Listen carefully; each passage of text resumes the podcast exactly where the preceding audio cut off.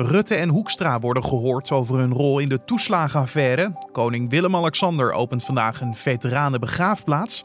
En voetballegende Diego Maradona is woensdag op 60-jarige leeftijd overleden aan een hartstilstand. Terwijl iedereen met liefde voor voetbal rouwt, blikken wij terug op het leven van deze spraakmakende Argentijn. Dit wordt het nieuws. Maradona was een, uh, een jongen die opgroeide in de sloppenwijken van Buenos Aires. En hij is eigenlijk altijd een man gebleven van die sloppenwijken van Buenos Aires. Maar daardoor wel uh, de man van het volk. Hij heeft uh, Argentinië in 1986 ze zeggen wel eens, in zijn eentje wereldkampioen gemaakt. Sportverslaggever Riepke Bakker vertelt zo meer over het icoon Diego Armando Maradona. Wat maakt hem, ondanks zijn soms opmerkelijke uitlatingen, toch mateloos populair? Dat dus zo, maar eerst kijken we kort naar het belangrijkste nieuws van nu. Mijn naam is Carne van der Brink en het is vandaag donderdag 26 november.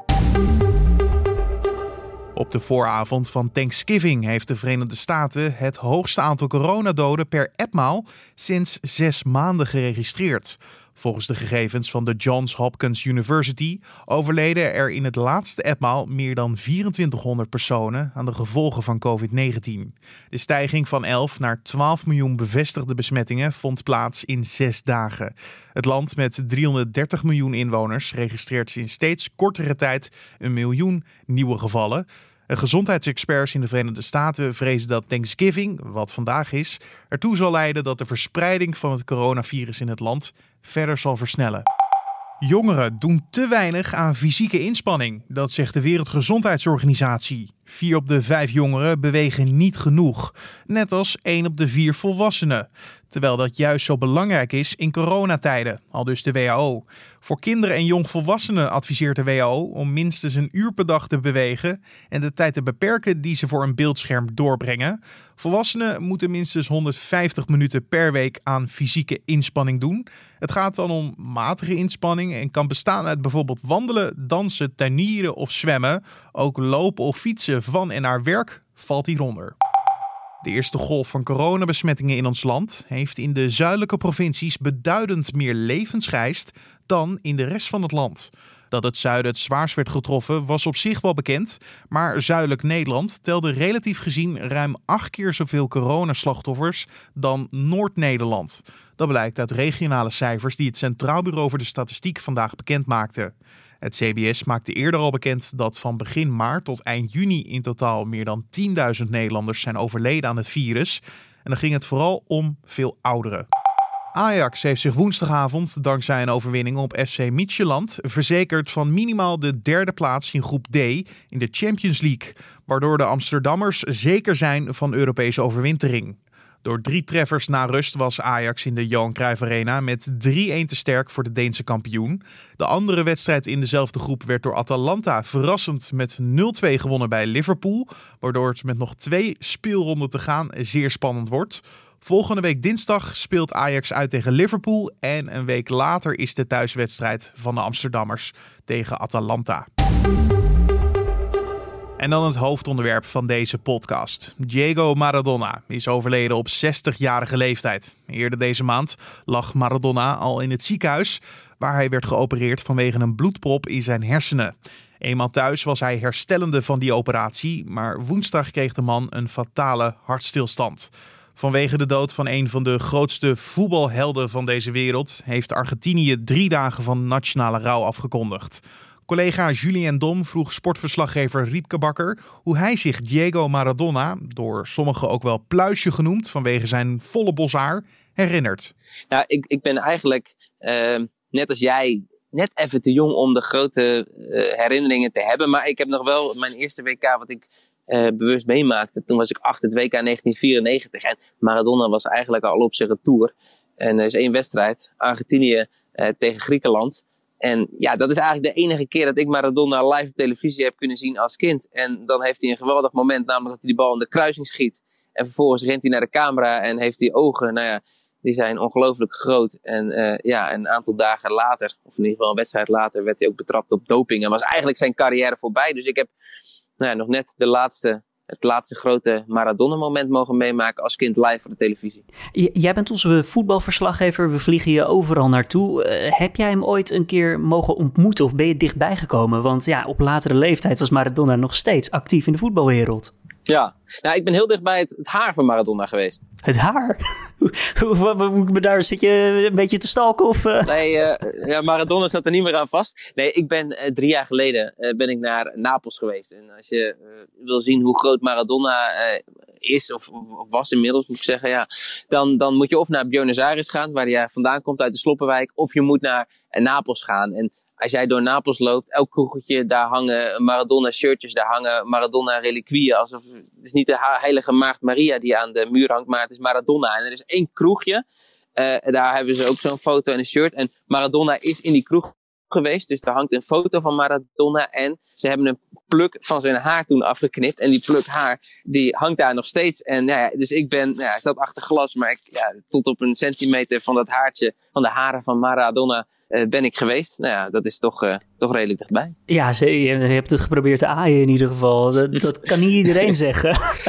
um, dat is zijn populariteit dan in Napels. Uh, als, als we dan eventjes bij het begin ja, beginnen, misschien kan je daar iets over vertellen. Hoe is zijn populariteit eigenlijk tot stand gekomen? Waar kwam dat vandaan? Ja, kijk, er zijn heel veel discussies over wie is nou de beste voetballer uh, ter wereld. Uh, daar kunnen we eeuwig over discussiëren. Cruijff of Messi of Pelé. Volgens mij is dat ook gewoon een generatieding. In met welke grootheid je bent opgegroeid, dat is voor die persoon de grootste voetballer op de wereld. Ja, maar dat, dat klopt. Dat is, dat, dat, dat, dat, dat, daar kan je bijna, dat, daar, kom je, daar word je het nooit over eens. Maar ik denk dat Maradona wel de meest iconische uh, voetballer is. En hij was eigenlijk ook tussen al die grote sterren um, altijd een beetje een een buitenbeentje natuurlijk ook na zijn carrière. Als je kijkt naar uh, Cruyff, uh, Pelé, uh, nou ja, Messi nu. Dat zijn allemaal gentlemen. Dat zijn ook redelijke gentlemen na hun, hun carrière. Hebben altijd zich over het algemeen redelijk voorbeeldig gedragen. En ja, Maradona niet. Maradona was een, een jongen die opgroeide in de sloppenwijken van Buenos Aires. En hij is eigenlijk altijd een man gebleven van die sloppenwijken van Buenos Aires. Maar daardoor wel eh, de man van het volk. Hij heeft uh, Argentinië in 1986, ze zeggen wel eens, in zijn eentje wereldkampioen gemaakt. Want dat, dat maakt hem zo goed dat eigenlijk bij Messi kun je altijd zeggen, ja, die heeft zo vaak de Champions League gewonnen met Barcelona. Maar ja, dat deed hij wel altijd in een superteam. Met Argentinië heeft hij het nooit gedaan. En het, het Argentinië van 1986, dat was geen wonderploeg. Dat, dat Valdano was goede voetballer en Buruchaga en wat middenmotors uit de Serie A. Maar dat had Maradona. Maar dan hebben we het meteen, Riepke. Eh, dat deed hij in zijn eentje, maar hij deed het wel op twee manieren. Aan de ene kant met zijn voeten, aan de andere kant ook met zijn hand. Ja, nou dat, en dat kleeft ook aan Maradona. Kijk, je hebt enerzijds heeft hij het gedaan om met een heel slecht elftal wereldkampioen te worden. Hij heeft echt in zijn eentje in een land wereldkampioen gemaakt. En daarom maakt hij zo populair. En daarnaast is hij zo iconisch omdat hij op dat toernooi, um, anders dan andere grote voetballers, op, voor iconische voetbalmomenten heeft gezorgd. Hij heeft uh, een hensbal gemaakt. Of laten we met het mooie beginnen. Hij heeft uh, in de kwartfinale tegen Engeland met een solo gescoord. Nou, ik denk dat hij hem allemaal wel even gezien heeft. Mocht hij het niet gezien hebben, kijk even terug op YouTube. Hij krijgt de bal bij de middenlijn, speelt zes Engelsen voorbij en schiet die bal erin. Wordt nog steeds gezegd, misschien wel de mooiste goal ooit. En daarnaast deed hij natuurlijk iets in die wedstrijd. Hij tikte de bal, stiekem, het zou nu niet meer kunnen met de VAR, maar hij tikte de bal met de hand erin. Zoals hij het zelf noemde, dat was de hand van God. Maar dat typeert ook wel uh, Maradona. De echte winnaar, het ruwe, het straten, alles eraan doen om een, om een wedstrijd te winnen. En ja, heel inventief en op een beetje een, nou ja, een sluwe manier, maar wel uh, ja, de, beste zijn. Een iconisch moment voor de sport, twee keer zelfs in één wedstrijd. Ja, dan eh, die andere momenten buiten het veld. Uh, dan, je had het net al eventjes gezegd, onder meer zijn drugsgebruik, alcoholgebruik. Hij was verre van nou, de perfecte voetballer, zoals je zegt. Zoals de Messi's die we tegenwoordig kennen, de Ronaldo's. Uh, ja, markant personage die zich ook daar ja, niet liet sturen. Gewoon deed wat hij, waar hij zin in had, ongeacht wat dan ook. Ongeacht zijn gezondheid zelfs. Ja, en tijdens zijn carrière al. Hè. Ik bedoel, hij is tijdens zijn carrière al uh, betrapt op het uh, gebruik van cocaïne. Um, maar ja, het hoort allemaal een beetje bij hem. Het hoort allemaal het imperfect, de, de, perfecte voetballer. Het was echt een artiest. Hij kon, toen hij 50 was en veel te dik, liep hij zat hij nog steeds op de bank met een, met een bal op zijn hoofd, alsof hij een soort, soort, uh, soort dolfijn was. Ja, ik las dat hij op een gegeven moment 130 kilo woog en hij is maar 1,65. Dus ja, je kan je voorstellen ja, hoe dat eru't ziet. Ja, dat is ook natuurlijk het, het, het veel gezegd. Hè? Het is al een wonder dat hij de 60 heeft gehaald. Zo, zo mag je dat ook zien. In 2004 16 jaar geleden, was hij al bijna dood. Ik weet niet of je het programma Holland Sport nog kent met Matthijs van Nieuwkerk. Uh, en uh, de, de, Jong. Ja, ja, maar wat was daar dan gebeurd uh, hier, over Maradona? Ja, de, na de, na de, tenminste bij de lieden, na afloop liep er altijd een klok van chroniek van de aangekondigde dood. En dan werden er iedere keer weer dagen bijgeteld dat Maradona nog had geleefd. En dat, dat was omdat op dat moment eigenlijk voorspeld wordt, Maradona is bijna dood. Maradona lag al in het ziekenhuis, was al kapot van de drugs en de drank. Maar hij kwam er wonder wel stond nog bovenuit. Hij viel af. Hij werd zo weinig bondscoach van Argentinië in 2010. Geen hele succesvolle. Ze vlogen er in de kwartfinale met 6-0. Of uh, sorry, met 4-0 af tegen Duitsland. Maar hij heeft het uiteindelijk nog ja, veel langer volgehouden uh, dan we allemaal met z'n allen hadden gedacht. Hij werd wel vaker uh, geridiculiseerd, hè, Maradona. Ik kan me nog herinneren dat je op een gegeven moment een uh, fragmentje had bij, volgens mij Studio Spaan was dat, koken met Maradona. Ja. En ja, dan koken ja. met een C uiteraard. Even een een ja, witte sneeuw. Zijn verslavingen en, en zijn uitspraken, zijn figuren, had enerzijds iets treurigs. Aan de andere kant, ja, kijk, wij konden er een beetje om lachen, maar in Argentinië uh, niet. In Argentinië was het echt gewoon, als Maradona weer een operatie had uh, overleefd, dan waren gewoon uh, mensen aan het juichen op de straat. Maar zo'n held is hij. Hetzelfde geldt voor Napels, want dat is eigenlijk het, het, tweede verhaal wat hij in Argentinië heeft gedaan, heeft hij ook in Napels gedaan. Napoli is een grote club op dit moment, maar is ook een hele nou ja, uh, labiele club. Die club is maar twee keer kampioen geworden.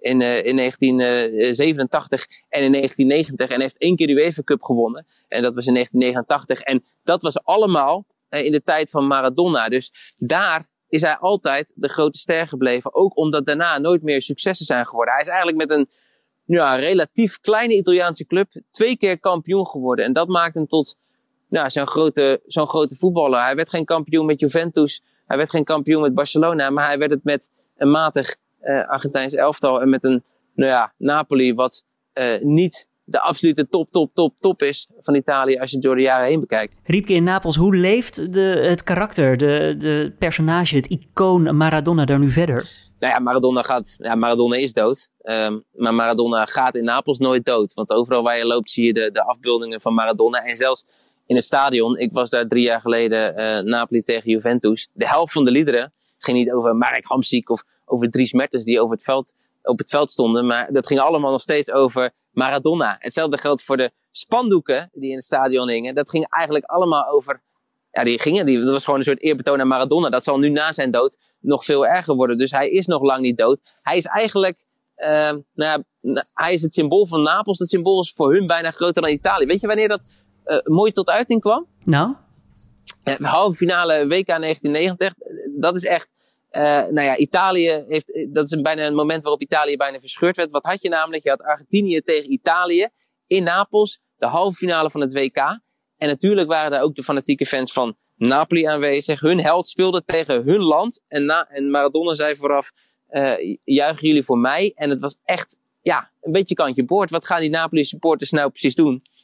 Gaan ze juichen tegen hun eigen land. En uiteindelijk gebeurde het niet. Er kwam wel een spandoek van de, van de harde kern van, uh, van Napoli. En dat zei uh, Maradona, Napoli houdt van je, maar Italië is ons land. Het ging net even te ver om nou ja, tegen hun eigen land te zijn en daarmee voor Maradona. Maar ja, er werd wel uh, voor hem geapplaudiseerd. Tegen Italië, maar ja, toch icoon van Napels. En ja, zo, zo groot was hij. Voor de mensen die het niet weten, hoe eindigde die wedstrijd?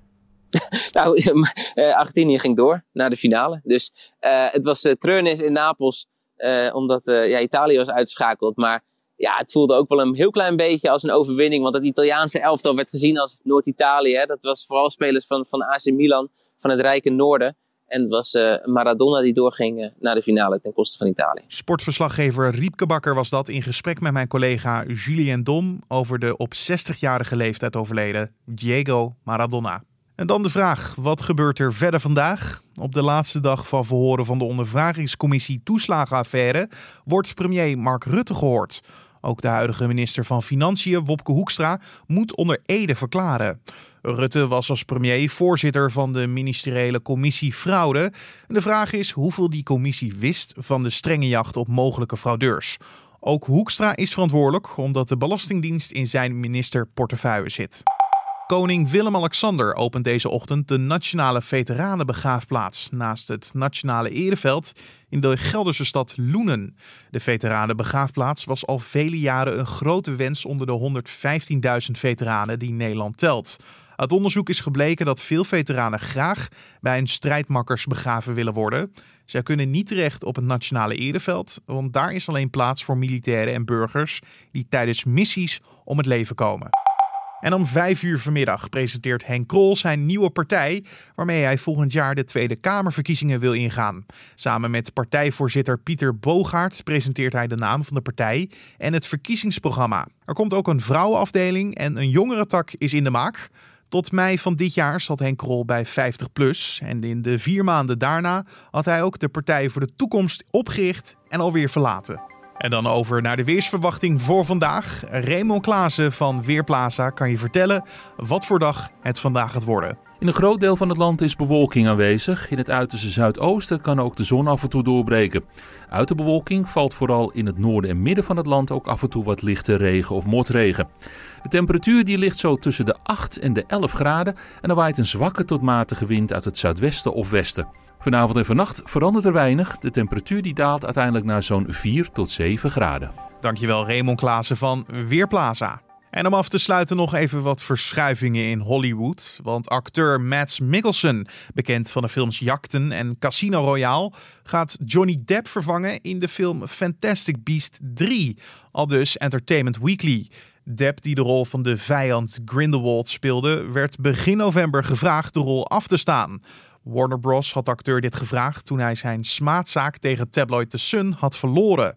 Hij had de krant aangeklaagd omdat hij in een artikel uit 2018 een vrouwmishandelaar werd genoemd. Een rechter oordeelde dat onvoldoende is bewezen dat er in het artikel sprake is van smaad en dat Johnny zijn ex-vrouw Amber Heard wel degelijk heeft mishandeld. Door alle aanpassingen is het derde deel van de Harry Potter spin-off uitgesteld tot de zomer van 2022. En dit was weer de Dit wordt het nieuws podcast voor deze donderdagochtend 26 november. Je kan de podcast elke ochtend en middag vinden op de voorpagina van nu.nl en misschien nog wel fijner in je favoriete podcast app zoals een Spotify of Apple Podcast. Mijn naam is Carne van der Brink. Ik wens je een hele fijne dag vandaag. Maak er iets moois van en hopelijk luister je de volgende podcast ook weer.